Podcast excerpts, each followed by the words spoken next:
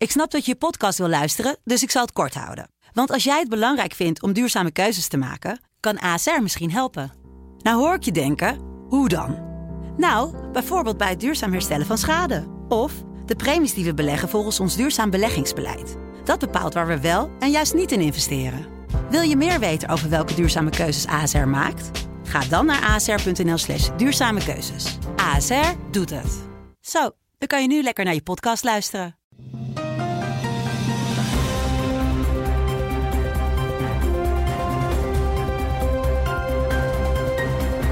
Dit is een podcast van de Telegraaf.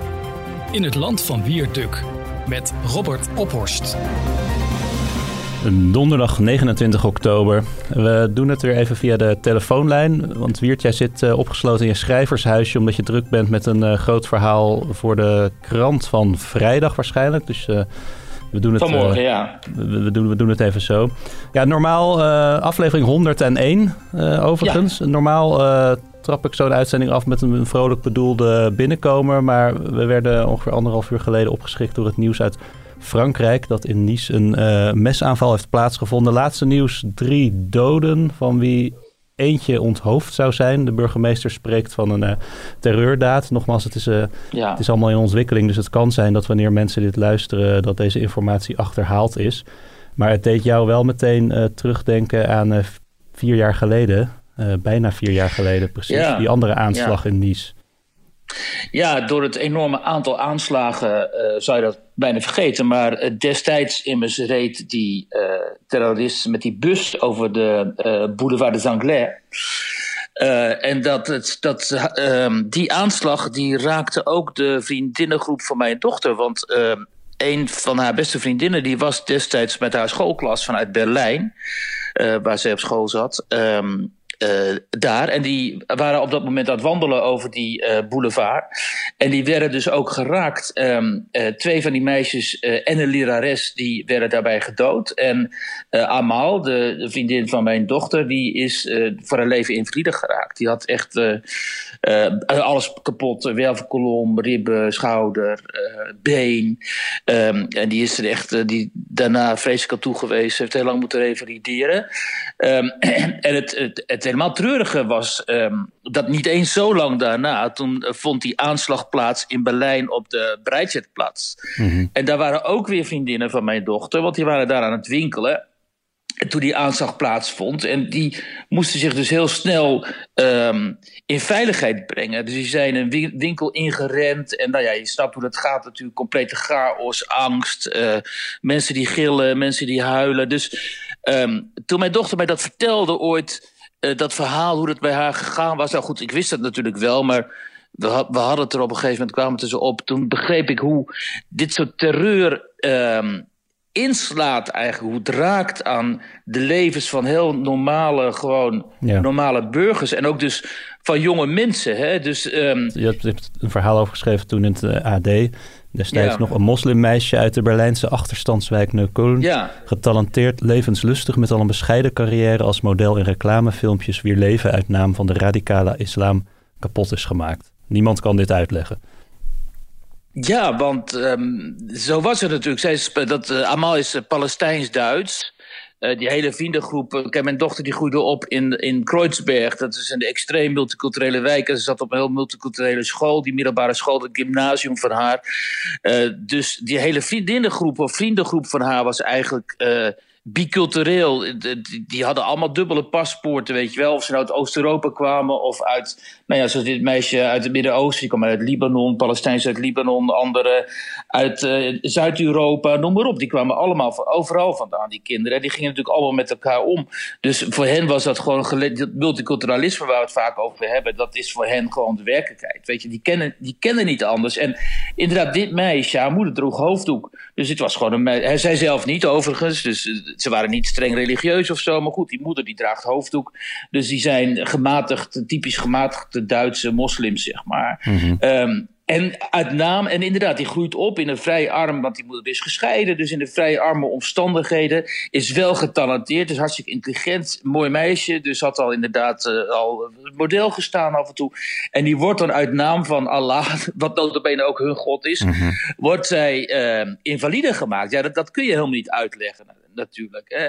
En daarom is het ook niet uit te leggen dat al die, eh, en dan komen dan trekken we het een beetje breder, dat uh, dit soort terroristen die radicale uh, moslims, dat die altijd maar weer worden beschermd in zekere zin uh, door uh, onze, hè, de wegkijkende, zoals we dat dan noemen, linksere commentatoren, omdat die bang zijn dat wanneer je hen bekritiseert, je ook deze mensen, die gematigde moslims, bekritiseert. Wat helemaal niet zo is, want die, die gematigde moslims, of die normaal levende moslims, die niet Jan en Alman man maar willen onthoofden, die zijn net zo goed slachtoffers. Of die zijn vaak in eerste instantie zelfs slachtoffer van dit soort uh, terroristen.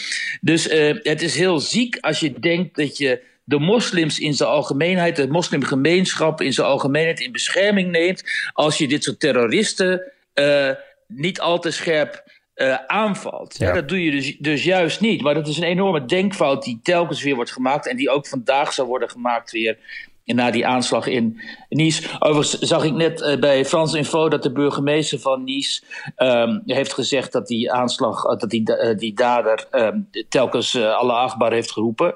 Um, dus die, dat is wel duidelijk, kennelijk vanuit welke hoek hier de wind weer waait. En overigens heeft die burgemeester ook in een tweet gezegd van, dat het duidelijk ook is dat Frankrijk uh, niet meer met uh, de middelen uit vredestijd uh, dit geweld vanuit islamofascistische hoek, zoals hij het noemt, mm -hmm. kan keren. Dus hij, hij vraagt om uitgebreidere mogelijkheden, maatregelen om hiermee om te gaan. Dat is dus eigenlijk een soort uh, oorlogssituatie of noodtoestand. Ja, en nou heeft uh, president Macron na die uh, aanslag twee weken geleden op Samuel Paty ook gezegd dat hè, die heeft een heel programma uitgerold of althans aangekondigd om de, de radicale islam aan te pakken. En wil komen tot een islam die in vrede kan leven met de republiek. Daar hebben we het vorige week in deze podcast ook over gehad. Ja, Volgens Erdogan is dan, uh, zijn dit soort plannen en dit soort taal, ook van die burgemeester van Nice, dat is dan een aanval op, uh, op alle moslims. Ja, en dat is dus ook het grote probleem. Kijk, wij maken altijd dat onderscheid tussen de radicale islam en de gematigde islam. Maar wat je eigenlijk moet zeggen is: je hebt de islam en er zijn moslims, grote, hè, enorme hoeveelheden, honderden miljoenen moslims, die bereid zijn om daar een beetje, zeg maar, uh, een loopje mee te nemen. Dus niet al te letterlijk die islam te nemen, een soort cultuurmoslim te zijn, weliswaar te bidden. Eh, nou ja, die, die, die vijf zuilen te eerbiedigen. Maar verder al die oproepen tot geweld en zo uit de Koran hadith en zo niet, niet zo serieus te nemen. Maar mensen als Erdogan en andere um, politieke islamisten die zeggen ja, nee. Um, de islam is een monolithisch ding. De, islam is islam. En je moet leven volgens islam. En iedereen die daar kritiek op heeft, zelfs, die is een ongelooflijke, of een ongelovige hond, bij wijze van spreken. En die, uh, die, uh, die, heeft, die verdient onze toorn. Uh, en in, in extremis verdient hij te worden onthoofd. Zoals nu ook weer een slachtoffer uh, in Nice. En dat maakt het zo ontzettend ingewikkeld om daarmee om te gaan. Dat heeft uh, Jason Wolters afgelopen week een extra podcast met mij, die ik overigens kan aanbevelen, omdat we daar heel lang over dit onderwerp praten. Die heeft het ook weer proberen duidelijk te maken. Um, uh, waar ligt die scheidslijn tussen, hè, tussen. Want het is, uiteindelijk gaat het om uh, gedrag. Het gaat niet om de teksten, want die teksten zijn duidelijk. Hè, die bronteksten van de islam. Ja, die staan vol met geweld, vol met oproepen om ongelovigen om te brengen. Um, uh, dus die zijn helder. En dan gaat het erom, leef je volgens die teksten, zoals de salafisten en de jihadisten doen, of denk je, ja, dat die teksten, dat zal wel, ik wil gewoon kunnen functioneren in Nederland of Duitsland of Frankrijk. En uh, ik, ik stel me tevreden met een, uh, hè, met een wat moreel leven als moslim, maar ik ga mhm. natuurlijk niet mijn buurman onthoofden. Alleen, um, Daarmee is nog niet gezegd dat bijvoorbeeld jouw kinderen, jouw zoons of je neven of niet, noem maar op, uh, wel zullen radicaliseren. Omdat er immers eigenlijk geen muur staat tussen die twee manieren van gedrag. Het is eigenlijk maar één stapje dat je neemt. Eén stap die je neemt richting radicalisering. En dat zie je dus op grote schaal gebeuren bij die jongeren, hè, die dan zogenaamd in gedepriveerde omstandigheden zouden opgroeien, wat ook wel zo is. Maar een aantal jongeren kiest er dan voor om te radicaliseren en uitkomen uiteindelijk. Ofwel ze reizen uit naar de islamitische staat, omdat het nog bestond, of, ja, of, ze, of ze beginnen hier in, um, in Europa een soort jihad. Dus in feite, in feite zijn we al enige tijd gewoon verkeren wij, um, zoals Jason het ook noemde, in een soort low-intensity civil war. Um, waarvan je af en toe op, ernstige oprispingen ziet, zoals nu. Maar ja, die, die die veenbrand, die gaat maar door en gaat maar door. En um, de oplossing daarvoor, hoe we ons daartegen moeten verzetten en welk type verweer effectief kan zijn, ja, ik heb het nog steeds niet gezien. In ieder geval het type verweer zoals dat wij vanavond weer op de televisie gaan zien. Hè, Beatrice de Graaf, die dan weer komt opdraven om te zeggen dat dit toch eigenlijk altijd... De terrorisme-deskundige. Die ja, ja, precies. Opdraaft in, de, in de talkshows. ja, ja, sorry. Die telkens weer zegt, joh, um, extreem rechts is net zo gevaarlijk. Um, en het gaat om verwarde mannen uh, uit moeilijke sociaal-economische omstandigheden en al die onzin. Totale onzin. De feiten wijzen er gewoon op. Dit zijn mensen die handelen vanuit een ideologie. Er zijn netwerken. Die netwerken worden gesteund mhm. vanuit Turkije, vanuit de Arabische wereld. We zijn ook inmiddels in een diplomatieke rel met Turkije verwikkeld, omdat er aangifte is gedaan uh, door Turks OM tegen Wilders, naar aanleiding van uh, zijn tweet over Erdogan. de Tweede Kamer heeft zich achter Wilders geschaard, een, eensgezind. Uh, maar dan was er, uh, dat heb ik nog even opgezocht, 25 juni was het eindverslag van de parlementaire ondervragingscommissie uh, gepresenteerd, of aangeboden aan de Kamervoorzitter Ariep, over de ongewenste en buitenlandse financiering van moskeeën uit onvrije landen. Maar dat ligt dan weer allemaal ontzettend ingewikkeld om dat, uh, om dat aan te pakken. Stond ook in het regeerakkoord om daar uh, paal en perk aan te stellen. Nou, er moest een uh, ondervragingscommissie aan te pas komen om dat dan vorm te geven. ja, ik heb er verder niks meer van gehoord sindsdien. Nee, en dat is dus het grote probleem telkens... dat de middelen die de rechtsstaat tot zijn beschikking heeft... vaak ehm, niet toereikend zijn voor de aanpak van dit soort problematiek. Um, en daarom uh, dat zie je ook in die financiering van die, van die moskeeën. Ja, dus vier jaar geleden heeft, eh, staat in het regeerakkoord... we willen dit niet, we willen dit aanpakken. Dan komt er ook nog een, een commissie aan te pas. Dan ligt er een eindadvies. Afgelopen week eh, heeft Nederland zich solidair verklaard met, met, met, met Frankrijk. Maar eigenlijk blijft het daar dan bij, lijkt het. Ja, dat is telkens zo. Maar dat is ook bijvoorbeeld zo hè, in, in de problematiek van de, zeg maar, de illegale asielzoekers uit vooral Noord-Afrikaanse landen en zo. Die willen we ook uitzetten, maar dat kan niet, omdat er dan telkens weer bezwaren worden ingediend door hun advocaten en de rechtsen. Kijk, dat is het probleem. We hebben de rechtsstaat opgetuigd, uh, die functioneert op het moment dat in ieder geval het overgrote meerderheid van de bevolking daar solidair aan is, uh, de regels daarvan accepteert en met z'n allen begrijpen dat wij dankzij die rechtsstaat in vrijheid kunnen leven en met elkaar kunnen omgaan. Maar als je allerlei mensen binnenhaalt uit, uh, met overtuigingen die haak staan op die rechtsstaat, die helemaal geen rechtsstaat willen, die sharia willen, hè, dus de islamitische wet, die, die uh, de ongelovigen beschouwen als, men, als minderwaardig, als hun tegenstanders als mensen die moeten, mogen worden uh, omgebracht uit naam van Allah. Die mogen, mogen worden gedood uit naam van Allah.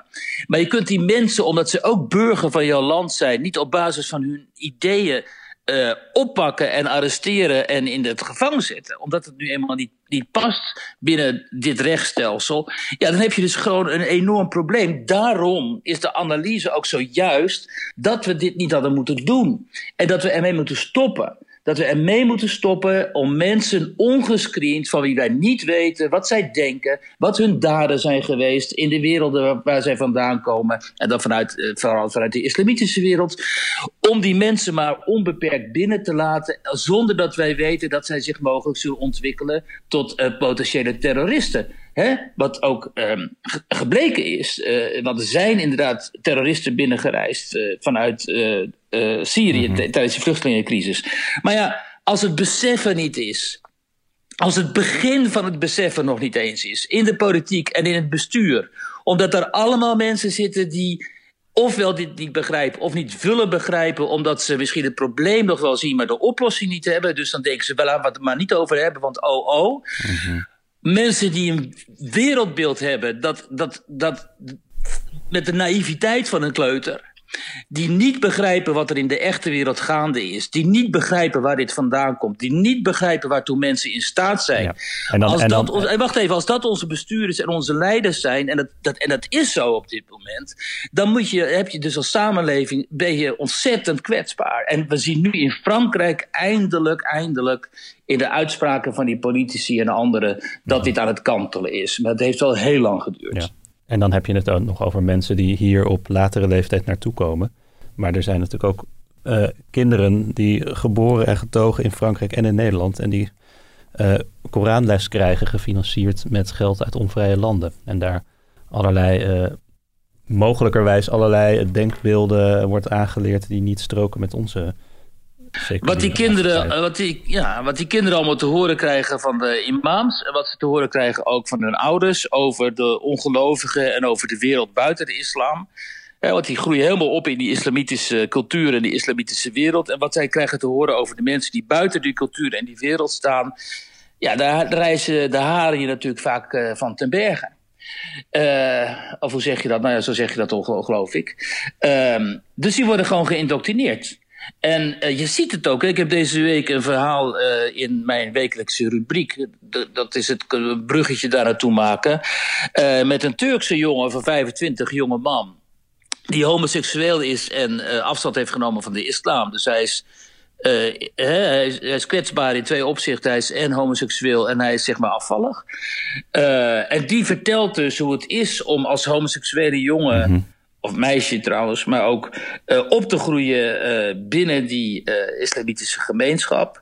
Ehm, en ja, nou ja, dat, dat is een verschrikking natuurlijk, want je mag in niets laten blijken dat je. Ja, want hij, hij, heeft, hij, heeft, een Marokkaanse vriend, maar niet iedereen in zijn omgeving weet daar ook van.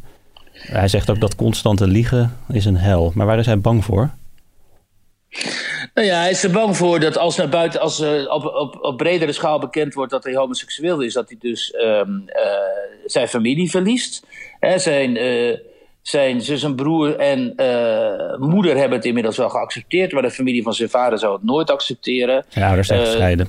De ouders zijn gescheiden, ja. Dus dan zou hij door zijn familie worden buitengesteld, maar niet alleen door zijn familie, ook door zijn, door zijn vrienden althans, hè, kennissen, nou ja, door die gemeenschap, zeg mhm. maar. Dus door die moslim, die islamitische, Turks-Marokkaanse gemeenschap.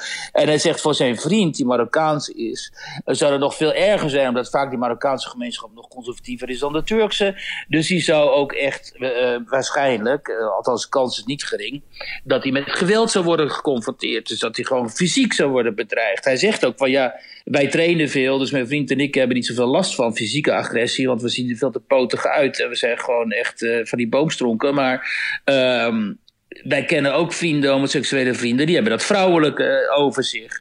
En die moeten zich echt aanpassen, want als die zich te vrouwelijk of um, te homoseksueel, laten we het zo zeggen, uh, uiten in de publieke ruimte, ja, dan krijgen ze gewoon klappen, dan worden ze in elkaar geslagen. En er is telkens de angst ook onder die jongens dat ze geout zullen worden, dus dat daar buiten zal worden gebracht van kijk, hij is toch homo, en dat dan hun mhm. hele leven op straat ligt. En dat ze eigenlijk helemaal geen, geen bestaan meer hebben. Dat is in en in tragisch natuurlijk in een land als Nederland... dat zich zo voorstaat op um, emancipatie van haar minderheden... dat zo haar best doet, hè, zegt best te doen... voor ook uh, die LGBTI-gemeenschap... Um, uh, waarin we die, die, die, die gay pride hebben en zo... maar deze gemeenschappen, in deze gemeenschappen heerst gewoon nog ontzettend veel angst en onveiligheid en um, ook daarover uh, wordt, wordt weer veel te weinig eigenlijk uh, gesproken en geschreven. Uit angst ook om uh, een minderheid, zeg maar, te framen als, als homo-vijandig. Want dat is natuurlijk de angst vooral van... Kijk, groepen die normaal gesproken zich opwerpen als de grote, zeg maar... de, de, de spreekbuizen van emancipatiebewegingen... Hè, um, die deinzen ervoor terug om dit soort uh, homodiscriminatie in de islamitische gemeenschap uh, aan te spreken. Omdat ze dan denken dat ze de islam en moslims bekritiseren. En zij zien moslims altijd als slachtoffer. Dat is ook zo interessant. Je ziet dus vaak van die, zeg maar, van die antifa-achtige foto's van linksradicale activisten met regenboogvlag en zo. En dan hebben ze ook een hoofddoek omgedaan om te laten zien dat ze ook solidair zijn met, met de moslims. Maar het, slaat helemaal nergens op, omdat ze dan dus zich eigenlijk solidair verklaren met een ideologie die vijandig is aan uh, homoseksuelen. Dus dat is altijd heel erg tragisch. Ik snap ook nooit hoe ze dat soort denkconstructies in hun hoofd precies kunnen rechtvaardigen. Maar goed, uh, uh, dat, dit, dat dit bestaat in uh, onze landen. Uh, ja, dat is natuurlijk heel triest, omdat uh, op een gegeven moment dachten wij toch in de jaren 70, 80 uh, de, dat de emancipatie wel zo ongeveer was afgerond. Ja, we denken, we denken wel vaker dat de geschiedenis ten einde is.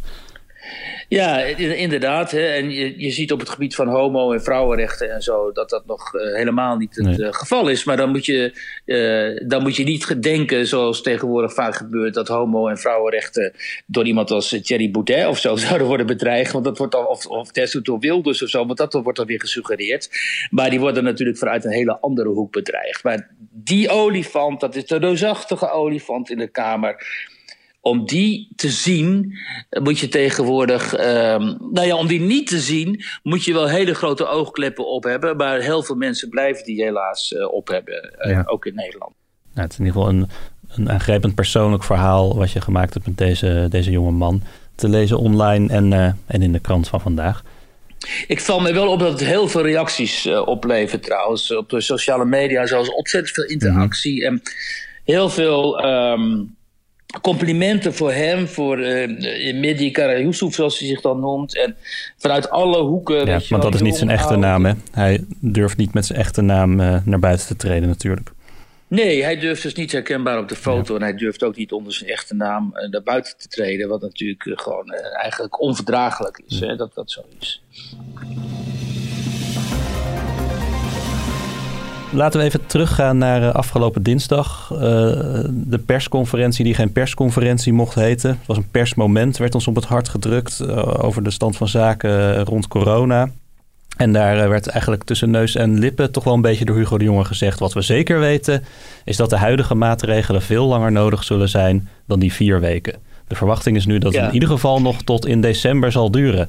Nou, volgens Mona Keizer, die uh, staatssecretaris Mona Keizer, die later op de avond bij uh, Talkshow op 1 zat, hadden we dat toch allemaal anders moeten, anders moeten lezen, uh, die woorden. Het is wel goed om goed naar hem uh, ook te luisteren naar wat hij precies zegt. Um, het ging over de afvlakking van de cijfers en dat de verwachting is dat we nog wel langer met deze maatregelen zitten. Hij heeft niet nu een verlenging tot 5 december afgekondigd, volgens u? Nee, dat heeft hij niet uh, gezegd. Maar okay. het blijft natuurlijk wel heel verstandig om met elkaar afstand uh, te houden, ziek te blijven als je thuis bent. Het is niet zo dat we gezegd hebben tot half december blijft uh, alles okay. dicht. Al dus mevrouw Keizer, nou dat hoorden we volgens mij wel. Er was ook veel kritiek op in de Kamer. Woensdag in het uh, Kamerdebat daarover. En premier Rutte gaat nu reflecteren op die kritiek. ja, ja, mooi hè? Ja, denk, dat denk je wel... dat het nu uh, beter wordt? oh man, echt. Ik zag dat. Ik dacht, oh weet je, je zou toch maar horecaondernemer zijn. En tussen deze lippen door wordt jouw existentie Ik weet niet of als ik horecaondernemer was of ik wel echt klaar had gezeten voor de tv. Want zo werd het helemaal niet aangekondigd. Ook dat niet. En er wordt ook nog eens een keer even tussen neus en lippen door bij dit persmoment eigenlijk uh, een doodvonnis uitgesproken over jouw uh, ondernemerschap. Ja, god, ja, hoe vaak hebben we al niet gezegd in deze podcast dat de communicatie van de overheid uh, rampzalig is geweest in deze crisis. En dat, dat, dat blijft het kennelijk. Ja. Er was ook nog verwarring over het reproductiegetal, hè? want volgens de jongen uh, ligt dat nu ongeveer op 0,88. Uh, tenminste, als hij ging terugrekenen. Want helemaal precies weten we het niet. Maar dat was zijn inschatting. Nee. Nou, volgens de RIVM-directeur van Dissel... Uh, die kon dat weer niet bevestigen. Dus die zei ook... Ik denk dat de, de hoop hier de vader van de gedachte is geweest. Ja, ja, ja, ja. ja. Dus ja, ja. het blijft vaak ook een beetje een semantisch spelletje op deze manier persconferenties die geen persconferenties zijn. Een, een, lockdown die een intelligente lockdown moet heten of een, of een gedeeltelijke lockdown. Nou, kijk, waar het volgens mij op neerkomt, is dat ook eh, na acht of eh, weet ik veel hoeveel maanden we nu in de pandemie zitten, nog altijd uh, niet, het virus niet helemaal begrepen wordt. En um, dat geven ze ook toe. De experts, deskundigen, die zeggen ook, ja, we zijn nog steeds aan het leren. Uh, hoe met dit virus om te gaan en wat nu precies de, de, de betekenis ja. van dit virus is, hoe het zich gedraagt enzovoort. Dat is de wetenschappelijke uh, werkelijkheid waar je mee te maken hebt. Maar uh, Rutte en de jongen, die bedrijven politiek. En je moet een samenleving door zo'n pandemie loodsen. Ook al, hè, ook al varen we al zeg maar acht maanden voor 50% in de mist. En op, telkens op de momenten dat zij dus leiderschap moesten tonen en moesten aangeven: oké jongens, we weten nog niet alles, maar we gaan het zo doen, omdat uh, het nu eenmaal moet. We moeten vooruit en we, hè, en we moeten roeien met de riemen die we hebben. Uh, telkens uh, namen ze ofwel foute besluiten. Ofwel de boel was gewoon niet op orde om de juiste besluiten te kunnen nemen. Hè, zoals met de gebrekkige beschermende kledij en de testen en de laboratoria en noem maar op. En de IC-bedden die niet uh, in voldoende mate aanwezig zijn. Um, ofwel ze uh, baseerden zich, uh, bleek later, op uh, niet volledige wetenschap, zoals met het aerosolendebat. Aanvankelijk werd ontkend dat aerosolen een rol zouden spelen. Inmiddels spelen ze in de woorden van Van Dissel toch wel een beetje een rol, maar internationaal is al lang bekend dat het gewoon een hele belangrijke rol speelt. Dus mensen moeten hun ramen openzetten en ze moeten ventileren.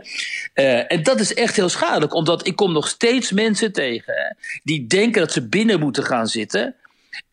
Bij wijze van spreken met de ramen dicht.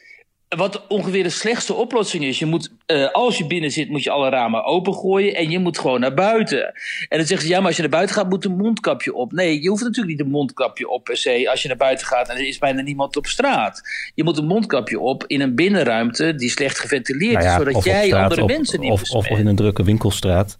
Precies, in een drukke winkelstraat. Dus je moet, maar je moet nadenken zelf. Als jij op de hei gaat rondwandelen of op het strand hoef je natuurlijk niet een mondkapje op te zetten. Maar als je een drukke, drukke winkelstraat ingaat of een winkel, ja, dan natuurlijk even wel. Want het gaat erom dat jij iemand anders niet besmet. En al dit soort hele simpele gedrags, gedragsaanwijzingen had de politiek kunnen geven als ze niet zo ontstellend eigenwijs waren geweest, met name Jaap van Dissel, of niet zo ontstellend, uh, zeg maar, aarzelend als um, uh, Mark Rutte en Hugo de Jonge. Maar ja, het lijkt wel of we in een soort parallele werkelijkheid leven. Want ik begrijp uit de peilingen dat Mark Rutte inmiddels op meer dan 40 zetels staat. Um, uh, jij moet me maar corrigeren als het niet klopt. Maar ik, ik heb de laatste cijfers zo niet paraat. Maar inderdaad. Nee, ik las zo'n peiling. De, de, in de peilingen staat de VVD er inderdaad heel goed voor, absoluut. Ja, en dan denk je toch van, uh, hoe is daar de correlatie met het crisismanagement? Mm -hmm. Want het crisismanagement is volgens mij totaal afwezig geweest. Um, maar goed, um, al dit gezegd hebbende zijn er nauwelijks landen, behalve eilandstaten zoals Nieuw-Zeeland of Taiwan of noem maar op, die uh, wel adequaat hebben kunnen reageren in ja. deze crisis. Zelfs Duitsland, zelfs in Duitsland zie je nu. Hè, Duitsland was lang uh, een beetje de, de, het lichtpuntje binnen Europa. Daar gaat het Precies, als je dan die kaarten kreeg, hè, dan was Duitsland dus een beetje oranje en de rest was diep rood en zo. Maar in Duitsland gaat het nu ook mis. En, en Angela Merkel heeft al aangekomen, gekondigd dat er een zwarte winter aankomt. En dan, toen ik haar dat zag zeggen, toen moest ik denken aan Game of Thrones, weet je wel. Dat begint op de serie. The winter is coming. En dan denk je, oh god, als dat, als dat voor ons ligt. En, ja, dat is natuurlijk allemaal. Ik weet niet of jij ook um, uh, die emotie kent, maar het, is ook echt zo vreemd. Nou, ik tijd, moet wel zeggen, het drukt wel, uh, na, zeker na afgelopen dinsdag, drukte het wel weer even heel zwaar op mijn gemoed, uh, moet ik zeggen. Ja, dat, ja dat vreselijk, ook omdat wij en, maar wat, kennen. Hè? Wat, wat Want, vind jij eh, nou? Want er is ook wel een beetje een discussie tijdens veel van die persconferenties wordt ons voorgehouden van we moeten ons beter aan de maatregelen houden. Dan ja. ik zie daar ook wel veel irritatie over. Dat is ook bij ons op de redactie wel een discussie van ja, komt het nou echt doordat te veel mensen zich niet aan de maatregelen houden? Of Nou, is het nou je- eenmaal gewoon dat dat virus zich in, ook in deze tijd van het jaar zo massaal verspreidt? Ja, kunnen we daar eigenlijk, is dat wel echt onze schuld? ehm, Ik zie toch ook Ik- ik politici die, eh, die, die in quarantaine moeten omdat ze in contact Ja. zijn geweest met iemand die Ja. eh, besmet bleek. Ja, dan heb je dus niet genoeg afstand gehouden. Ja, dan hou je je dus ook niet genoeg aan de maatregelen. Ja, is dat Het nou... is ook helemaal niet te doen. Kijk, als ik kijk naar de, uh, naar de uh, vrienden en kennissen van mijn dochter, die is student. En die krijgen nu al wekenlang de schuld hè, van het verspreiden van dat virus.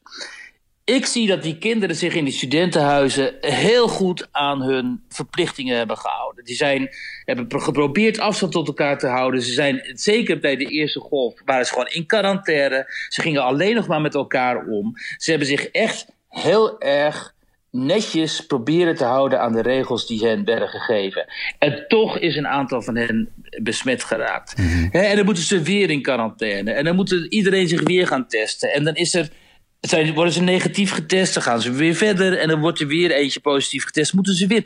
Die, die, die, zijn, die, die groepen, zijn, een aantal van hen, zijn al drie, vier, vijf maal in quarantaine geweest. Moet je je voorstellen wat dat betekent dat je dan tien dagen of twee weken op je studentenkamer zit en je ziet, je ziet bijna niemand. Dat is gewoon Mhm. niet vol te houden voor die kinderen. Die, die zijn 20, 21, nou ja, ik noem ze kinderen met zijn jongvolwassenen natuurlijk. Hoe, hoe moet je dan leven? En dan krijg je ook nog eens een keer de schuld. Dan wordt er gezegd, ja, die studenten die, die houden zich niet aan de regels. En precies wat jij zegt. Ik ken ook mensen die houden zich strikt aan de regels. En dan zijn ze één keer in de supermarkt geweest of zo. En dan de volgende dag uh, uh, zijn ze kennelijk ja. besmet. Dus inderdaad, het is ook zo natuurlijk. Hè? En dat zeggen ook artsen met wie ik spreek. Uiteindelijk krijgt het virus iedereen te pakken gewoon. En het gaat er alleen maar om nu dat wij uh, niet die zorg overbelasten. Dat niet die IC's over gaan lopen, zodat mensen in de, in de gangen bij wijze van spreken komen te sterven. Dat is wat wij proberen in toom te houden. Maar dat het ons uiteindelijk allemaal een keer raakt, dat is onontkoombaar. En dat is um, helaas. Um, de werkelijkheid waarmee wij, uh, waarin wij leven. En dat vind ik ook behoorlijk uh, deprimerend inderdaad. Was zoals laatst ook. Toen was ik... Uh, ik had koorts, ik voelde me niet lekker. En dan, ja, dan ga je toch bij milde klachten ga je laten testen. Nou, dan zit je daar weer een dag te wachten op de uitslag van die test. En die is al gelukkig negatief. Maar zoals Rob Jette ook zei... Uh, Jette liet zich ook testen. Hij zei ook, ja, dan ben je toch een hele, hele tijd zenuwachtig. Mm -hmm. uh, wachtend op die uitslag. En als je dan ziet de uitslag positief, dan schrik je. Ja, dat kan me goed voorstellen. Omdat uh, je zou maar, hè, de uitzondering, hij is natuurlijk jong, maar ja, je zou maar de uitzondering zijn op de regel. En als jonge man op de IC belanden, weet je wel. Die, die, die mogelijkheid bestaat altijd. Dus het is een hele nare, gewoon, hele nare sfeer waarin wij nu uh, zitten. En, maar wat jij zegt, het is volgens mij onterecht om te veronderstellen dat heel veel mensen zich niet aan de regels zouden houden. Ik zie ook iedereen zich toch wel, de meeste mensen die ik zie waar ik woon, die proberen zich toch in ieder geval wel zo goed mogelijk aan die regels te houden. Op een enkeling na. En um, ja, he, het is ook een beetje Russische roulette natuurlijk, wanneer het jou treft uh, of niet. Volgende week dinsdag, dan is het zover. The greatest show on earth, de Amerikaanse verkiezingen. Uh, showman puur sang, Trump, die staat in zo'n beetje alle peilingen op achterstand. Maar uh, dat stond hij vier jaar geleden natuurlijk ook. Uh, jij sprak deze week uitgebreid met Piet Hoekstra, de ambassadeur van de VS in Nederland. En de man ook die in 2016 flink campagne voerde voor Trump. Heeft Hoekstra nog een beetje vertrouwen in de kansen van zijn baas? Uh, ja, hoewel hij zich daar natuurlijk niet over uitspreekt. Maar uh, hè, dat mag niet als diplomaat. Maar uh, ja, hij heeft wel vertrouwen in. En hij heeft vooral ook vertrouwen in dat Trump de afgelopen jaren een, eigenlijk een hele goede politiek heeft gevoerd. ook internationaal. Dus um, de buitenlandse politiek. En hij wijst erop dat het toch wel heel merkwaardig is. En dat vind ik terecht trouwens. Dat die regering van hem van Trump zo weinig credit krijgt voor die prestaties in het Midden-Oosten. Die, die schoonzoon, die Jared Kushner, die is toch in staat, die in staat gebleken om een plan voor het Midden-Oosten te ontvouwen en een groot aantal Arabische landen en Israël uh, akkoorden te laten sluiten. En um, met, met hele vergaande uh, consequenties. Uh, ik sprak daarover met Joop Soesan, dat is een Nederlandse Israëliër, die heeft een podcast en die, die, ik praat af en toe met Joop. en die zegt ook, joh, het is niet te geloven. Gewoon, er zijn allemaal, dankzij die akkoorden zijn er nu, komen er nu allemaal luchtverbindingen tot stand met de mhm. Emiraten, met de Golfstaten. En er komen mensen daar vandaan, die komen hier naartoe. Er zijn handelsbetrekkingen. En uiteindelijk ziet het eruit dat Israël ook gewoon uh, verdragen gaat sluiten met Saoedi-Arabië. Allemaal natuurlijk geopolitiek om Iran, de dreiging van Iran, die de Arabische wereld ook heel sterk voelt om die uh, in te dammen. En nou ja, Hoekstra die wijst daar natuurlijk op. Maar waar die ook vooral op wijst, uh, dat staat morgen allemaal in de krant, is dat die betrekkingen tussen de Verenigde Staten en Nederland natuurlijk gewoon uh, niet afhangen van Donald Trump. En dat die betrekkingen heel intensief zijn en heel goed. Hij zegt ook, die hebt die de, de traditionele uh, groep van landen met wie Amerika hele sterke banden heeft. Uh, het Verenigd Koninkrijk natuurlijk, Australië, noem maar op, die Engelstalige landen, Canada. Uh, en dan komt Nederland. Um, En het is natuurlijk ook wel zo lang, lang, zo geweest. Nederland heeft een echte Atlantische traditie en is erg gericht op de Anglo-Saxische wereld. En dat hangt inderdaad niet vanaf wie daar nou precies de president is. Dat, en wat ook wel aardig is, is wat hij zegt dat uh, ja, Nederlanders houden niet voor conservatieven. Dus hè, vroeger hadden ze al problemen met Reagan en met Bush en nu met Trump. Um, maar zegt hij, um, dat is nu eenmaal een feit, dat is een gegeven waar je mee te maken hebt. En uh, als Nederlanders naar de Amerikaanse politiek kijken, dan denken ze vaak van jee, wat een ontzettend agressieve toestand is het daar. Maar hij zegt, ja, god, jullie zijn gewend aan het poldermodel en dan zoeken naar consensus. En bij ons is het gewoon hardball politics. En daar moet je ook niet altijd veel achter zoeken. Dat, dat is de afgelopen jaren ook niet minder geworden. Nee, dat is zo. Wat we nu zien is wel in een hele extreme mate hardball politics. Uh, Trump die doet er natuurlijk met groot plezier uh, aan mee. Um, dus um, um, ja, maar hij, hij, hij, wilde zich natuurlijk niet uitspreken over de kansen nee. van zijn baas. Uh, dus hij kon ook niet zeggen of hij dan, als Trump herkozen mocht worden, of hij dan zou blijven in Nederland of niet. Nee. Hij heeft afgelopen zomer, begreep ik, een fietstour gemaakt door de twaalf provincies om, om ons ja. land een beetje beter te leren kennen. Nou, dat was misschien ja. rijkelijk laat, want hij zit er inmiddels 2,5 jaar. Ja, maar ja, vergeet niet, hij is geboren. Hè? In, hij is in Groningen geboren. Piet, Piet Hoekstra is eigenlijk hij is een Noorderling. En, dus, en hij is al een beetje opgegroeid dus, in die Nederlandse traditie. Want uiteindelijk zijn ze geëmigreerd toen hij kind was naar Holland, Michigan. Nou ja, die, die Nederlandse gemeenschap daar in Michigan, je kent het wel, die is heel uh, die is heel, nog heel Nederlands in zekere zin en conservatief. Dus ook niet verwonderlijk dat hij die conservatieve hoek is beland. Dus ze hadden natuurlijk altijd die contacten al wel met Nederland. Maar nu is hij echt op de fiets gaan zitten met, uh, en door Nederland gefietst om met allemaal mensen te spreken en zo. Ja, ik vond het eigenlijk wel een leuk idee. Hij kon niet terug naar Amerika vanwege corona. Mm -hmm. En toen dacht hij, weet je wat, dan ga ik gewoon op het land fietsen. Heeft hij nog wat geleerd over uh, Nederland? Nou, dat vroeg ik hem ook. En um, uh, ja, wel. Hij zei, wat, wat hij misschien wel geleerd heeft, is uh, nog, nog eens een keer gewoon de rijkheid uh, en de variatie van het Nederlandse landschap. En, en, hoe mooi Nederland eigenlijk is. En dat, is natuurlijk ook zo. en dat hoor je vaak van buitenlanders, dat ze verbaasd zijn over hoe mooi het land eigenlijk is. En dan ook wel, zegt hij, was hij wel blij verrast met het feit dat de meeste normale Nederlanders die hij dan spreekt, ehm, dat die ofwel niet zo heel kritisch zijn op, op Trump, of wel wat vriendelijker over Trump dan de media over Trump zijn. En eigenlijk als ze niet over politiek praten, dan blijkt gewoon dat Nederlanders uh, Amerika en Amerikanen heel warm hart toedragen. En dat de meeste, heel veel Nederlanders daar natuurlijk ook wel eens geweest zijn. En dat er eigenlijk veel meer overeenkomsten zijn tussen Nederlanders en Amerikanen dan in de pers door ons, zeg maar, vaak gesuggereerd wordt. Wat ik, wat ik ook wel denk eigenlijk, ja. Toch maar een voorspelling dan. Wat, wat, wat denk jij zelf? Trump of Biden? Ja, ik denk dat Trump gaat winnen. Ik zie die rallies, ik zie het enorme aantal mensen, het enthousiasme. En ik zie het weinige enthousiasme voor Joe Biden en rallies waar bijna niemand is.